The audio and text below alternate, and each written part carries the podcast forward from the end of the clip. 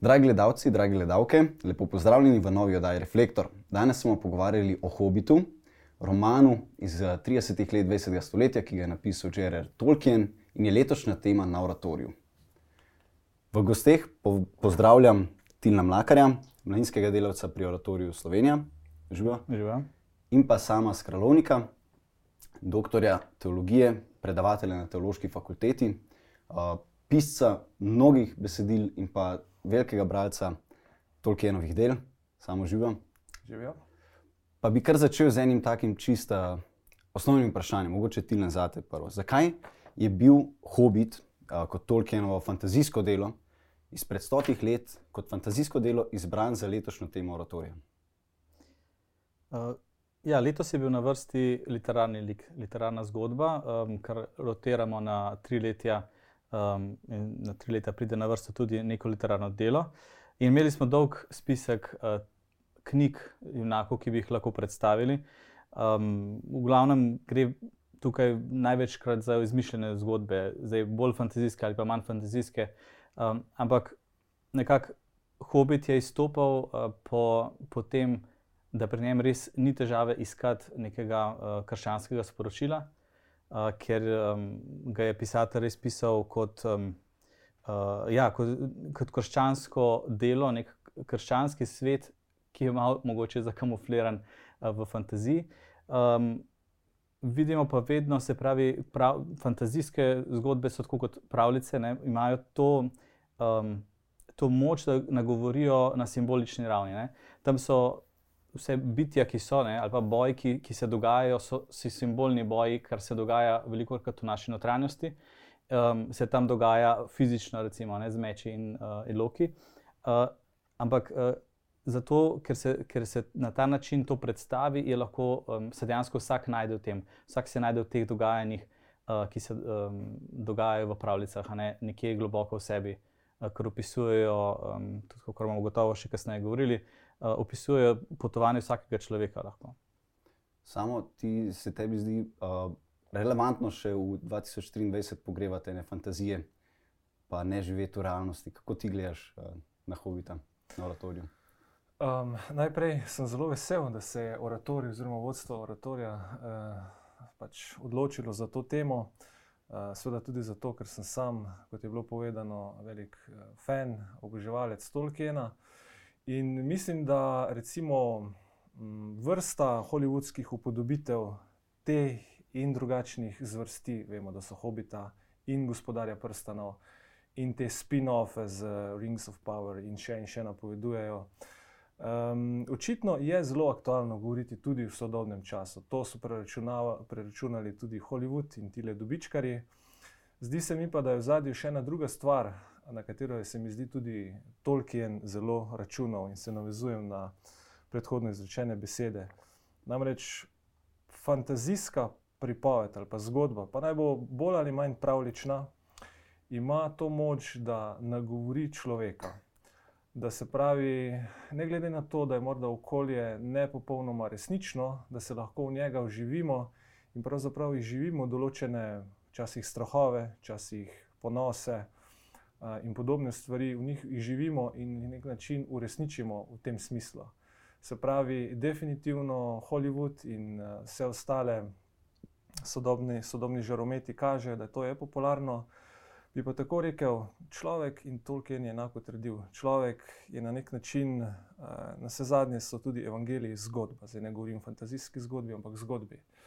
Je zgodba in Tolkien je sam nekje zapisal, človek bi moral biti odrešen na način zgodbe. Človek je pripovedovalec zgodb, je dejal. In to pomeni, da lahko, morda še kaj kasneje o tem rečemo, pravzaprav odrešen pravzaprav preko zgodbe, ker mi smo zgodbe in uh, nas tudi nagovorijo zgodbe, čeprav fantazijske. Pa se vam zdi smiselno, recimo, kot si omenil, uh, so neki strašni elementi in tudi filmi so, niso najbolj nedožni. A se vam zdi smiselno to otrokom povedati? Je to neka zgodba za otroke? Provokativno. Ja, tako kot so recimo klasične pravljice, so tudi marsikdaj strašne. Uh, pa volk poje rdečo kapico, pa se to zgodi, ona zgodi. Uh, marsikdo umre tudi v pravljici ali tako. Um, je treba računati tudi na um, določeno sposobnost otroka, da, da to uh, predela in zmore to predelati, še posebej ob tem, ko potem na oratoriju, recimo konkretno, to predelujemo potem z, na katehezah in tako naprej. Uh, bi pa izpostavil to, da um, pa verjetno to je izkušnja vsakega, ki je prebral eno knjigo, pa potem gledal film, je velika razlika. Ne? V, v navadno je nek film dosti bolj uh, strašljiv za videti, ker, ker ima vse elemente vizualno pred, pred nami. Medtem ko, si, ko ti pa si predstavljaš, ko eno otrok bere, sem pripričan, da si ne predstavlja tako temačno neke zgodbe, tako, kot je potem recimo lahko v filmu prikazana.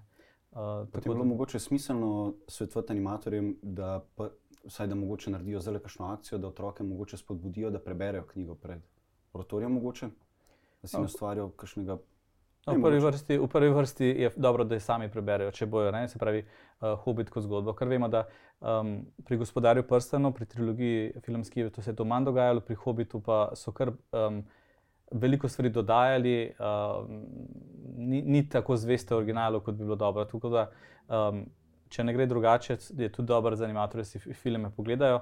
Ampak s, s tem zavedanjem, da je veliko stvari dodanih noter, ki so tam notri zaradi pač nekega šova, zaradi uh, tega, ne zaradi tega, ker bi jih Tolkien tja, um, Tolkien tja dal. Ampak potem bi pa lahko samo tebe vprašal, kako vidiš um, razliko med uh, Hobbitom kot knjigo in Hobbitom kot filmi, v, um, kakšna je razlika med njihovo sporočilnostjo? Ja, tudi jaz bi svetoval, definitivno prebrati najprej izvirnik, se pravi knjigo.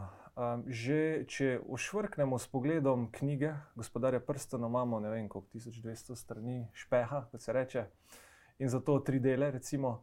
Potem pa, če gledamo filmsko upodobitev, imamo enako tri dele, ampak knjižna podlaga je pa sedemkrat ali desetkrat manjša. To pomeni, da če so hoteli isti tempo, torej tri, tri filme, so morali marsikaj dodati, marsikaj dodati. In tukaj žal naletimo na ta zelo tipični holivudski element, ko mora biti po neki šabloni, nekaterih pravilnosti, nekaterih tem, ki morajo biti nujno zastopane malo neke fascinacije, da človeka prikuje k ekranu oziroma k platnu.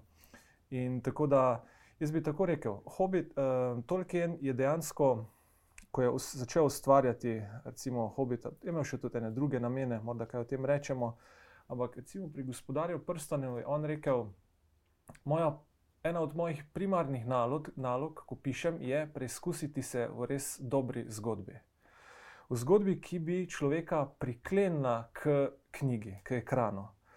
In je rekel, jaz s tem vidim milost. Se pravi, v tem smislu, namreč kaj on rekel, pa bom z drugimi besedami. Včasih rečemo, je prisrčna ta slovenska beseda, da ko nas recimo nek film gledamo, pa nas gane, a pa rečemo, smo iz sebe. Zanimivo, ne uporabljamo pogosto, ampak se ne zavedamo, kaj pravzaprav rečemo. Se pravi, nismo jaz, jaz v sebi, ampak smo iz sebe. V tistem trenutku smo izven svojih obrambnih zidov, svojih prepričanj, svojih nazorov, smo iz sebe. Temu je rekel Tolkien trenutek milosti. Takrat, ko na mene vplivajo neki ideali, neki liki, neki dejanja, nekih likov. In v tem smislu bi Tolkien rekel, če, če je film očaral gledalce in jih recimo, pripravil do trenutka ganjenosti, da so bili sebe, da so se nekaj spremenilo v njih bi rekel, tudi to je dobro, tudi to je že en cilj. Ampak on je potem nadaljeval, sam reče, na začetku je bilo delo ne, pač ne krščansko načrtovano, kasneje pa zelo načrtno krščansko pri končanju in redakciji. Tako da tu bi se recimo tudi dotaknil tega, kar je bilo prej vprašano, ali prikriti otrokom ali ne. Jaz mislim, en, en del odgovora bi to rekel. Um, definitivno jaz otrok ne bi preveč varoval pred tem, kar, kar jim bo življenje predočilo, prej ali slej. Bolje, da v takem nekem kontroliranem okolju, kjer jim lahko to razložimo, usmislimo, pa ljudje z njimi, ki jim to, kot pa recimo nekje, ker bojo sami ali pa neki drugačni družbi. Drugič pa, te zgodbe so načrtno kot recimo prilike. Prilike so jemani predmeti, pojmi, ljudje iz vsakdanjih situacij, se pravi, lahko vsakdo razume na tej dobesedni ravni, ampak je povabljen, da ko doseže neko duhovno spoznanje ali pa intelektualno stopnjo, da prestopi na neko višjo raven. Zato se mi zdi, da so tu dva, dve ravni. Otrok lahko gleda tiste zadeve iz ene čist druge perspektive ali pa doživljanja, kot pa recimo odrasel človek, ki je prebral, ki kaj o tem še več ve, ki ga zanima. Tako da jaz mislim, da bi včasih preprosto Tolkien rekel: Glej, a pa beri in naj zgodba naredi, kar naredi. Zdaj, sem jo doskrat, ko, ko bereš tako zadevo, se zelo poistovetiš. Se mi zdi, da otroci drugače ne gledajo tako racionalno kot mi, ampak zelo uživetveno.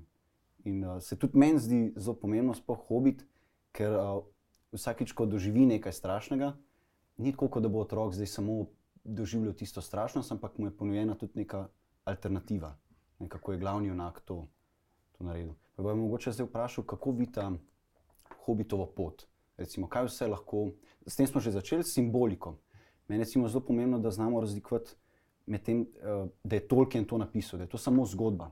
Ampak mi je hkrati tudi pomenilo, da, da se vprašamo tudi, kaj ta zgodba sporoča. Mogoče to, kje je to, kje je zgodba samo simbol in na kaj potem ta zgodba dejansko apelira. Ja, no najprej lahko povem, da seveda pri rotorijski zgodbi smo morali originalno Tolkienovo delo še, neko, še okrčiti, da, da, da jo lahko izvedejo potem animatorji na rotorijskem uh, odru. Um, nekatere stvari so omenjene, nekatere so samo omenjene, nekatere so tudi spuščene. Uh, ampak osredotočili smo se ravno na to, uh, kar si omenil, ne, da um, na hobitovo, na Bilbovo pot. Pravi, to je tista, tista stvar, ki smo pustili, njegova rast od zapečkarja do nekega junaka, um, ki, ni, ki pa je zanimivo, ne, v tem primeru ni nek um, tak junak ali Vites ali Superman, ki potem na koncu te svoje poti postane vse mogočen. Bilbo ostane še vedno Bilbo, še vedno malo, um, pač še vedno delno zapečkar, še vedno mrd svoj tisti čaj, pa uh, pet kosil na dan in tako naprej. Uh, Noč se ni nabil do ali ne vem kaj. Ne? Uh, ampak je pa še vedno uh, se vseeno spremenil, se preobrazil, zrasel. In v tem je ta um, Bilbova pot zelo klasična, mitološka pot junaka, uh, od, um, ja, ko gre iz znanega v neznano in potem nazaj, se vrne spremenjen nazaj. Ne. Ja, se zelo strinjam. In, um, kar običajno spregledamo, je to, kar imamo pred nosom. Ne? In to je hobit, uh, rasa, ki je torej nekako pol človeške, polovnjak. Um, se pravi, Tolkien se mi zdi, da je hotel res slepcem nazorno pokazati, da v tej zgodbi je glavni junak nekdo, ki niti človeške rasti ni, je pol človeka, se pravi, navaden človek, še več, majhen človek. Se pravi, mi, mi, mi s svojimi napakami, mi s svojimi strahovi. Skratka, tej zgodbi se mi zdi edinstveno tudi to, ne? prej smo omenjali Hollywood. V Hollywoodu dosti krat v teh upodobitvah nastopajo liki, ki, recimo Superman, pa kaj sem, uh, ki jih sicer lahko občudujemo, lahko fantaziramo v njih, ne moremo se pa z njimi poistovetiti, ker nimamo super moči, ne moremo leteti po zraku, ne moremo in tako naprej. Uh, s hobitom, na drugi strani, uh, z njegovo željo, da bi najraje se v kavču greznil, kadil pipo in skratka bil v domu svojega doma do konca življenja, pa se kar hitro, se mi zdi, veliko od nas prej ali slej znajde. In Bilbo je odrinjen na tisto pot in ravno v tem, tem njegovem človeškem obnašanju, polno humorističnih takih prigod, ja, na kako ne vem, tisti robec predstavlja, oziroma odsotnost robca predstavlja težavo velikega ranga. in tako naprej, tudi tako je včasih v naših življenjih. Ne. In tu, recimo, če se pa dotaknemo še enega, kar je bilo prej omenjeno, vprašanje, kako je torej hobit krščanski. Ker, ko recimo beremo Tolkien bi rekel, največjo pripoved vseh časov, to je Evangelije. Tam srečamo zelo nepopolne like. Peter, ki Jezusa zataji, Jakob, ne vem, Jezus o služenju drugih, on njemu v prvem mestu v nebesih in tako naprej. Skratka, v tistih likih se zelo hitro prepoznamo, te njihovi krhkosti, njihovi, njihovi človeškosti in nas vabijo ravno preko teh te človeškosti, da se z njimi poistovetimo in če tako rečem, obujemo učenčevske sandale. Pri hobitu ne vem, kaj bi rekel, da ne si obujemo. Dlake, dlake pustimo. Tako je. Ja. Ampak v tem smislu, recimo, enkrat sem že razlagal, ne vem, ko smo bili majhni, ne vem, pa pri veruku, pa, pa smo poslušali, ne vem, Petr za te Jezusa, pa njegov prijatelj je bil, pa smo si rekli, jaz pa tega ne bi naredil, ne, kak je lahko naredil. Takrat smo že vstopili v tisto zgodbo, smo se že postovetili, smo že stopili v to zgodbo. In enako, čisto ista logika uh, velja tudi za to uh, hobitsko Bilbovo zgodbo. To je zelo zanimivo. Jaz sem uh, bral sem eno knjigo od Josefa Campbella, en antropolog iz 40-ih let. On je imel eno teorijo monomita, kot da so vsi miti nekako govorijo, to si že omenil, Tilen, uh -huh. o junakovem potovanju, ki je strukturirano iz treh delov. Prvo gre tako kot Bilbo, gre iz enega statusa quo, iz enega varnega obdobja v neznano, kjer ga poje ena zver, nekako gre v tolmine in tam on nekako doseže tisti odrastel, v bistvu to je junakova pot, da odraste na, v, v tem drugem delu, in v tretjem delu se potem vrne nazaj v družbo in preda neko znanje, oziroma s tem znanjem potem on ureja veliko bolje to družbo. Pa bi vas sam začetek vprašal, kje vi dva mislite, da je uh, Bilbo odrastel? Na kateri točki bi lahko rekli, on je pa zdaj junak postal? Jaz bi rekel, da definitivno je ta njegova pot postopna. Se vidi recimo v določenih uh, primerih, recimo pri trolih, še Gandalf, ki reši, on zmrzne v strahu. Pol, um, naprej, go, tam, v, ko se z golom sreča, je že sam se prepuščen, kasneje ga gol, uh, Gandalf zapusti in mora že sam reševati škrate in tako naprej. Je ta njegov uh, rast postopna, seveda vrhunc pa doseže, pol, ko dejansko gre v ta Belly of the Beast, v, gre k zmaju v podzemno votlino. To bi bila zelo direktno enočil s tem uh, arhetipom v mono, monomitu. Hmm. Um, tako da mislim, da bi tukaj videl. Ja. Ja. E, kar je spet zanimivo, je ena taka svetopisaska sporednica. Ne? Tam je veliko poželjenja, bogatstvo, lepo očem, privlačno očem. Imamo tudi tukaj recimo kačo. Zmaj je v bistvu variacija kače. Ne? Uh, in se spomnimo rajskega vrta, kače, zapeljivost nečega, kar je lepo na pogled. Ampak, če se vrnem k temu vprašanju, tudi jaz mislim, da je zelo pomembna ta postopnost. Ne se vemo, kako so novoletne zaobljube, uh, od danes naprej pa nikoli več, en mesec, dva meseca, če rata, ne, komu že tu dalje. Um, se pravi, postopnost in pa, in pa morda, morda je še to, se mi zdi tudi uh, pri njem. No, pomemben vidik, da vendarle on se ne vrne čisto enak nazaj. Ne.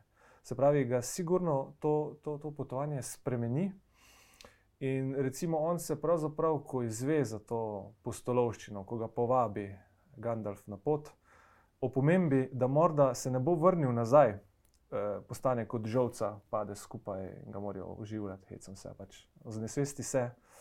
In kaže, ne kaže nekih obetov za to vlogo, primernost te vloge.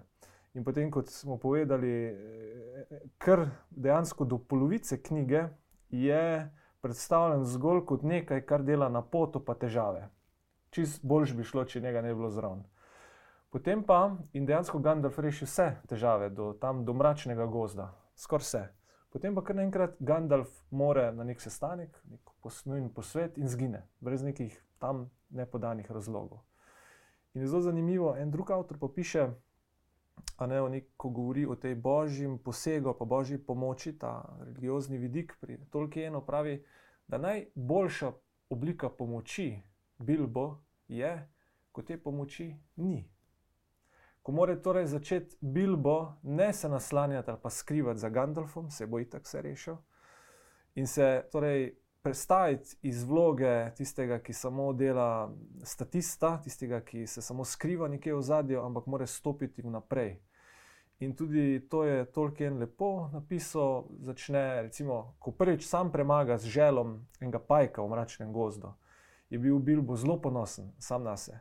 Potem gre to vedno bolj naprej, vedno bolj naprej, vedno bolj naprej, dokler da mislim, da nekje celo, ne celo, potem kaj so že škratje ga prav piše, prepoznavajo kot voditelja, mhm. kot njihovega vodjo. Se pravi, da ne samo, da on zraste v svojih očeh, ampak da tudi potem postopoma, postopoma prizna to njegovo vlogo tudi okolica. Eno vprašanje je mogoče, malo provokativno, ampak se mi zdi tako eno relevantno. Jezus kot naš odrešenik. Ne, jaz sem imel mogoče vedno take težave, pa rečemo, podarjamo, koliko bi lahko Bilbo sam naredil zakaj bi potem, uh, zakaj bi potem pričakovali od uh, Gandalfa, da ne se umakne? Zakaj potem Gandalf nikoli, zakaj ne bi Gandalf kar vsake bibove težave rešil? Ne? Zakaj je pomembno, da, da mi sam ne počakamo na Jezusovo odrešenje? Kako bi, kako bi rekla to, da je to krščansko? Jaz bi rekel prvič, um, Gandalfov v Hobitu um, ni najbolj točna usporednica s Kristusom, bolj recimo z nekim angelom. Recimo, sploh, če pogledamo uh, to, uh, Tobitovo knjigo uh, nad Angel Rafael, ki je tam v fizični obliki dejansko angel predstavljen, ki spremlja Tobija, je zelo podoben Gandalfu. Uh, tudi um, nasplošno so Gandalf kot bitje je, ni ni čarodej v tem, kar si kot čarovnike predstavljamo, ker ne upravlja svoje magije, ne, nima sposobnosti upravljati magijo, ki je od zunaj, ampak je bil že ustvarjen kot bitje z to nadnaravno močjo, tako kot angeli. Um, torej, um, Gandalf je angel, ki nekako pomaga, spremlja, varuje vodi in en izmed, ja, tako kot uh, je samo omenjeno, en izmed um, oblik pomoči je to, da se umakne na neki točki da lahko Bilbo sam potem. Ne? Zakaj pa je to na tak način? Um, mislim, to je dejansko takšno je življenje. Um, dejansko nas um, Kristus, tudi vernike, nas ne vodi za roko, za, za vsak uh, korak, kaj bomo oblekli, pa kaj bomo jedli, pa um, kako se odločiti. Ne? Nam prepušča tukaj svobodo in avtonomijo, nam pa stoji ob strani na takšne in drugačne načine. In podobno tudi tukaj pri Bilbu. Um, Bilbo je um, še vedno avtonomen, samostojen in, uh, kot, kot svobodno bitje, hkrati pa tudi na nek način urodje v božjih rokah, um, kar je zelo mogoče se lahko te, um, tudi še dotaknemo božje previdnosti, ki se mi zdi mogoče meni še najbolj fascinantna. Ta krščansko sporočilo, ki, je, ne, ki, ki, ki sem začel malo bolj globlje pri hobitu gledati, uh, pa se vidi, da je skozi celotno delo, uh, celoten opus uh, zelo izpostavljen pri, um, pri Tolkienu. Mhm. Ja, to bi se strinjal, absolutno. Dodal morda samo to. Um, Bog ustvari posameznika z nekim unikatnim paketom talentov, ki jih nima nihče drug, nikoli jih ne bo imel, nikoli jih ni imel. In to je pravzaprav ta božja pomoč svetu na nek način. Ne v smislu, da ga vodi, eh, kaže levo, desno, ni njegova navigacija, je njegov talent, če tako rečem. In svetopismo se mi zdi, da skoraj na vsaki strani vabi posameznika, če naredim tu sporednico, ne, enako kot pri Hobitu ali pa gospodarju prstanov, da, da, da je sam aktiven v tem žaru ali pa tem, tem, tem, te harmoniji z Bogom. Recimo ena zanimiva rabinska zgodba pravi približno takole, čisto na hitro. En mož je zelo prosil gospoda, da bi uh, zadev na loteriji. Ne. Vsak dan, molil, molil, dneve in dneve, ure in ure, leta in leta, umrl na koncu, ni zadev. In ko je prišel gor Petro v pisarno, uh, je bil mal jezen in je rekel potem tako malo zabrusil gospodu. Je rekel, ampak celo življenje sem te prosil, celo življenje, pa me nisi uslišal. Pa je gospod skomignil z rameni in rekel: Pomagalo bi, če bi kakšno srečko kupil. Se pravi, namignil mu je to, da ni, ni samo prošnja, tudi naša dejavnost v tej smeri. Maksimalno, kar je na dosegu naše moči, absolutno, to je zelo svetopisansko in to se zelo odraža tudi pri hobitu. Mogoče v navezavi s tem, uh, božja previdnost sicer se, se da zelo v celem hobitu, se da, se naj, se da zelo uh, veliko aspektov tega, ampak mene še najbolj zanima mogoče ta, ta prvi, ta klic k pustolovščini, ki je ponovadi najbolj tak uh, pomemben, pa najtežji del za vse, za vse nas, tudi jaz, ki sem mlajši, meni najbolj zanima ta začetni del. Zakaj se je Bilbo sploh odločil iti na potovanje? Zakaj, če je vedel, da, da bo lahko. In kako vidi ta delovanje Božje previdnosti uh, v tistem začetnem delu, tako kot ta Božji klic? Mm, to je bil tudi ta vidik poklicenosti je se tudi nam zdel uh, pomemben in smo ga tudi izpostavili. Uh, pravi, to je vrednota prvega oratorijskega dne letos. Tudi zgodba gre v, prv, prvem dnevu in uh, ravno v tem, uh, to srečanje Gandalfa in Škratov pri Bilbu in uh, da se on odloči in gre. Zdaj, um, je zanimivo, uh, meni je zanimiv moment, mogoče še da se navežem naprej, ko Bilbo skupaj pade. Ne, tam, Uh, ne takrat, ko je omenjen zmaj, ne takrat, ko, ampak eh, ne vem, kaj še, da, bo, da mo, lahko da vsi umrejo, to ga še ne, ampak da se mogoče ne bo domov vrnil, ja, to, pa, to je pa konc. Um, ja, in je zanimivo, uh, ta, zakaj on to premaga. Got, vem, pomemben je tudi ta vidik pri njemu, da vseeno um, nekaj je v njem, ga, kar ga že v njem, ki ga kliče postolo, še nekaj čuti. Ne? Pač v knjigi predstavljamo, da je njegova mama iz rodbine, ki pa ima nekaj postolovskega v sebi. Ne? In hkrati se mu, kot se spomnim, um, zdi malo za malo, kako potem škrati začnejo govoriti o njem, da je pa ni za nobeno rabo. Ne? In to ga pa uh, tudi malo spodbudi. Hkrati pa mislim, da je tudi en pomemben vidik ta Gandalfova vera, ne vanga. Gandalf vse čas ustraja, da ti zmoriš to, tudi če se ti zdaj tako ne zdi, uh, in škratom to dopoveduje. Uh, in gotovo tudi vprašanje, če bi brez tega zmogel Bilbo iti uh, samo na lastno pobudo. Kako vidiš ta, kako vidi ta, strah, uh, ker njega je očitno bilo najbolj strah spremembe, tizga je zafrkano. Gotovo. Um, ja, in tu se zelo strinjam. Gandalfova vloga, da bi rekel, tisti božji potisk preko nekih nečarobnih trenutkov, čisto vsakdanjih prepletov, okoliščin, vsakdanjika. Nekateri pri hobitu, oziroma Tolkienu, govorijo o zakramentalnem vsakdanjiku. Ne živimo na visokih gorah, palačah, živimo v naših navadnih stanovanjih, hišah. Tam se do, dogajajo ti potiski. In ena stvar je ta Gandalfova vera v Bilba, pa božja, božje zaupanje, čeprav to je zelo biblično. Ne? Preroki, ki so poklicani, se tudi bojijo. Mojzes, veliki Mojzes, ne znam govoriti, nisem sposoben, ne, ne, ne, Bog mu odgovarja in na koncu iz notranjih organov Mojzes, boj pošli koga drugega, nočem, ne želim. Ne. Ampak tukaj so dve perspektivi. Božja, ki je, je stvarnik človeka in ve njegove, pozna njegove možnosti, in človek, ki zaradi te možnosti skozi percepcijo straha, družbenih pritiskov in tako naprej.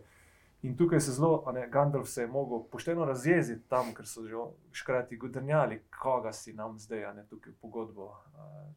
Se mogel razjeziti, če jaz pravim, bo to dovolj, da je pravi. Je pa še en detajl, ki se mi zdi zelo pomemben in to je nekje na koncu knjige, pa tudi mislim, da na začetku piše, da Bilbo do konca svojih dni ni čisto točno vedel, kako se je tistega daljnega jutra znašel brez malice, brez polne pipe, brez robčka na poti in je šel. Ni, ni znal čisto točno pojasniti v smislu, včasih hočemo zelo racionalno popredalčkati to, to, to. Včasih se življenje, se mi zdi, pa naših odločitev ne da na tak način pojasniti. Včasih je, včasih je tu preprosto milost, pa preplet nekih uh, dogodkov, ki naše življenje so za to dokaz, veliko krat več kot dovolj. Kaj sem, ko sem nehal kaditi, mi je, mi je dosti pomagalo, da sem naredil razliko med voljo in voljnostjo. Smo vedno rekli, moraš nehati kaditi, moraš se prisiliti. Mi je sam veliko pomagalo, ko sem dojel, da v bistvu je v redu, če se sam sprejmem te želje po kajenju. Recimo. In šele ko sem sprejel to, da, da imam lahko to željo, ampak kljub temu, da ne rabim nič glede njih narediti, sem se lahko začel spremenjati. In se mi zdi, da je to en tak moment, skrivni, tihi, mali momentek, ko si jaz sam dovolil nekomu pustiti, da ga definira in uporabi, in da je, da je dal sebe za nek višji cilj, ne, za škrate, za, za druge ljudi. Se, se zelo strinjam. Ta želja se mi zdi, je zelo generalno gledano, biti svoboden, svoboden mislim, v tem sodobnem jeziku, krščanskem bi rekli, odrešen. Mislim, da je to temeljna DNK vsakega človeka, k temu je poklican, zato je ustvarjen in to živi v nas, ne glede na koliko teh plasti, uh, kosil, uh, teh ugodnosti, tega obdobja, teh kavčov. In te, to, to se je na nek način, recimo v tem trenutku, pri, pač pri Bilbo, se mi zdi zbudilo. In temo, to je neka univerzalna izkušnja človeka, ki mislim, da vsakega kliče uh, na to pot. Mislim, da, recimo, da po tej poti, ki jo morda na začetku ne bi izbral, ali hobit, ali mi v življenju, uh, da pa je bil Bilbo vesel. Zato, ker se je soočil s seboj, s svojimi strahovi da se bomo tega dotaknili, ampak recimo Tolkien je zelo zanimivo primerjal, zelo zanimivo je sporediti Goloma, pa Bilba ali pa Zmaja Smaga in uh, Hobita, ker pravzaprav, ko se sooči s temi svojimi strahovi, ki bi lahko rekli, ki ga nazaj potiskajo v udobje, v kavč, v, v vsakdanje življenje. Um, šele ko se z njimi sooči in jih premaga, je v bistvu on nazaj se vrne, kot smo prej rekli, ne povsem isto. In je zanimivo, tak, taka zanimivost, da ne, nastopajo kot neki stranski, nepomemben lik Bilbovi sorodniki, ki niso nikoli priznali, da je tisti Bilbo, ki je šel, isti, ki se je vrnil, v smislu dedovanja in teh vprašanj. Uh, in res potem pravi Bilbo, da pravzaprav po vrnitvi mu ni bilo več mar za mnenje, toliko do mnenja sosedov, sorodstva in tako naprej, eh, kar je zelo tipično za človeka, recimo, ki je nekako, Frančišek reče, kauč kristjan. Dodal bi še to, da um, mogoče zaradi te Bilbove ukorenjenosti v svoj kauč je zgodba še tako aktualna, bolj za današnji čas. Ker smo, če smo roko na srce postali s vsemi svojimi razvadami in navadami in razkošjem, v katerem živimo, smo kar postali uh, vsi ne taki hobiti, ki smo se zelo težko odpovemo um, svojim najmanjšim navadam, pa tudi če je to, ne vem, iti na more polet ali ne vem, karkoli pa že ne. Nekatere stvari ne pustimo, da so dotaknjene, ne? ampak to je ravno to, ta navezanost na, na te razvade in navade, uh, ki, ki jih je hobi doživljal, samo da njemu je bilo pač veliko pomenilo tistega v čaju ob točno, točno določeni uri in tako naprej. Sej, če, če citiram Evangelije, ne omadežujete tisto, kar pride vate, ampak tisto, kar prihaja iz tebe. Ne? Ampak se težko včasih odlimati od kavča, zato ker v bistvu moraš kar nekako iti čez sebe. Ta, kako mogoče vidva gledati na to, kako biti junak danes, da počasi zaključujemo. Kako bi lahko en, uh, če zdaj gledamo na animatorje, kako bi animatorji lahko otrokom uh, dali za razumeti, kaj se to pravi biti junak danes. Ja, na nek način animatorji že so junaki, so že ostali skavče, da so sploh uh, prišli na oratorije. Uh, drugi korak je pa to, da res tudi na oratoriju kot takem um, se ne popustijo tem skušnjavam, kot je, ja, pa bi mečken šli po svoje, pa bi mečken šli vem, uh, se grupirati, pa klepetati, pa ne bi blizu otroki med odmori. Ne. To so take, te, te drobne stvari, ki, um, od katerih so tudi animatorji poklicani, se mi zdi, da, da grejo preko sebe. In, in mislim, da na ta način s svojim zgledom so lahko največ, največji pokazatelji, kaj pomeni biti junak za otroke. Uh, in tudi največ odnesejo za sebe, največ zrastejo, najbolj naredijo, lahko pa tudi s tem, da so animatorji, na, če se temu res predajo animatorstvu, lahko z enim udeležbo na rotorju, pač celotnim procesom, naredijo tudi na tako mini pot, takega od uh, zapečka do, junaka. Lahko, ja, se, oni, animatorji so v bistvu Gandalf za te male hobite. Se da tako reči? Na nek način, ja. Lahko, lahko. A, na nek način, v tem smislu, kot recimo. Jaz bi se mogoče še to na, na to navezal, kot je nekoč slomšek znano rekel. Ne? Če hočeš nekoga vneti, moraš najprej sam goreti. In recimo, jaz rad dam primer, ne vem, sam tudi rad igram. Recimo, poleg tega, da berem hobita, še kdaj igram košarko, hecam se. In tam, ko živim, grem mimo na mojega balkona na cesta in en ma, fantek. Redno hodi tam košarko igrati. In ko jaz dol pogledam ne, in ko njega vidim s tisto žogo in veseljem, s katerim gre na igrišče, mene prime, da bi v tistem trenutku dal stran, potisnil tip, tipkovnico, miško in šel igrati. Ne? To.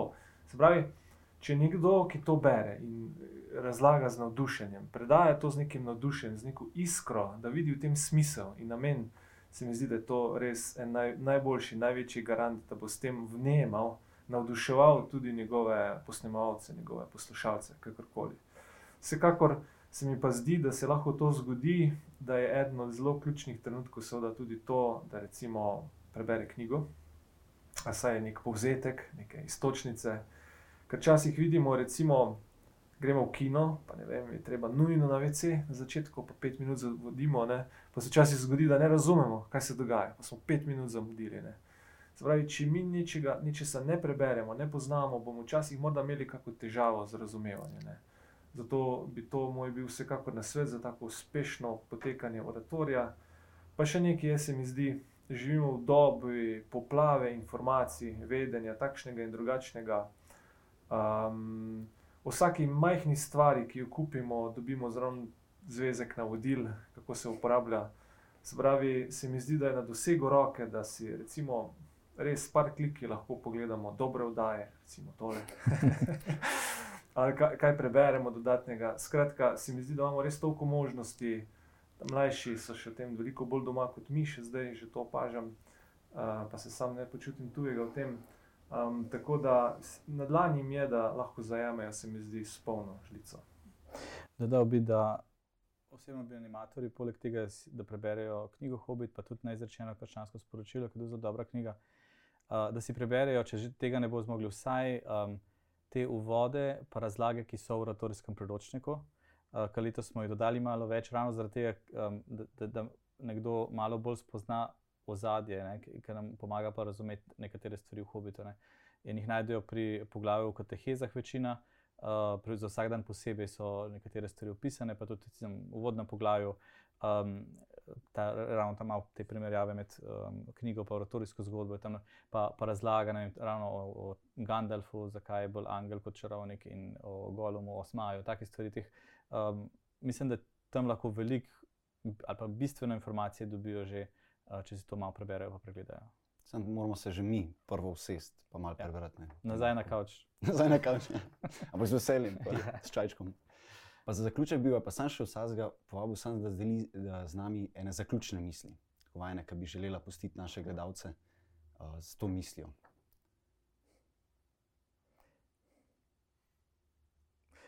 Jaz bi rekel, da um, bi povabil vse k odprtosti, da nas Eh, da se pustimo nagovoriti uh, tej zgodbi letošnji oratorijski in pač hobitu, in tudi širšemu temu Tolkienovemu um, mitološkemu svetu, ki je zelo bogat tudi z vrednotami. Um, recimo Božja previdnost, ki sem jo omenil, je zelo, je zelo na krščanski način predstavljena, že od stvarjenja naprej. Tukaj pa recimo zelo um, v samem hobitu, pa so ena taka stvar, kot je, da je v popolni temi tam Bilbo našel prsten v nekih rovih pod zemljo, da je ravno to našel. Ne. Ni bila njegova zasluga, res lahko rečemo, da je po božji previdnosti, ampak zaradi tega je potem se zgodila soslede dogodkov, ki je potem recimo sploh. Je lahko potem Sauron, konec koncev, v gospodarju prstov pomaga. Ne? ne samo zato, da je hobit lahko, lahko uspešno uh, dokončan njegova naloga, ampak še potem kasneje. Uh, in um, uh, to je samo en tak moment, ki, um, ki je zelo. Um, krščanski, na kakšen način um, je hobit orodje božje previdnosti. Recimo, um, čeprav Bog ni niti enkrat omenjen v, v sami zgodbi ali pa v knjigah. Um, in še veliko takih zakladov, takih drobnih biserov, notri, um, ki lahko nagovarjajo nas kot kristijane ali pa samo kot pač, uh, vedoželjne bralce ali nekdo, ki ga zanimajo zgodbe. Um, ja, jaz bi povabil končni misli predvsem temu, da ne samo, da bi se znebili predsodkov do hobitov, do hobita, da bi se nasploh pred, nekako poskušali znebiti predsodkov, ki nas nekako, se mi zdi, so tisti pasovi, ki držijo nas, pa hobite v kavčih, nas vabijo k temu, da tam ostanemo, se pravi, da ne stopimo en korak v temo, pa pogledamo, pa morda vidimo, da je tam, da tam tudi tam je Bog, da ni samo na našem kavču. In da, da se zavedamo, da, recimo, da, da, da Tolkien, ki je bil katoličan, zvest katoličan, recimo sam je pisal, on je vsako jutro ob pol osmih s svojimi otroki hodil k Maši, k Hristiji, spovedi. Um, in je tudi sam pis, pisal, jaz sem kristjan, jaz sem katoličan in to se vidi, to se da izvajati v mojih delih.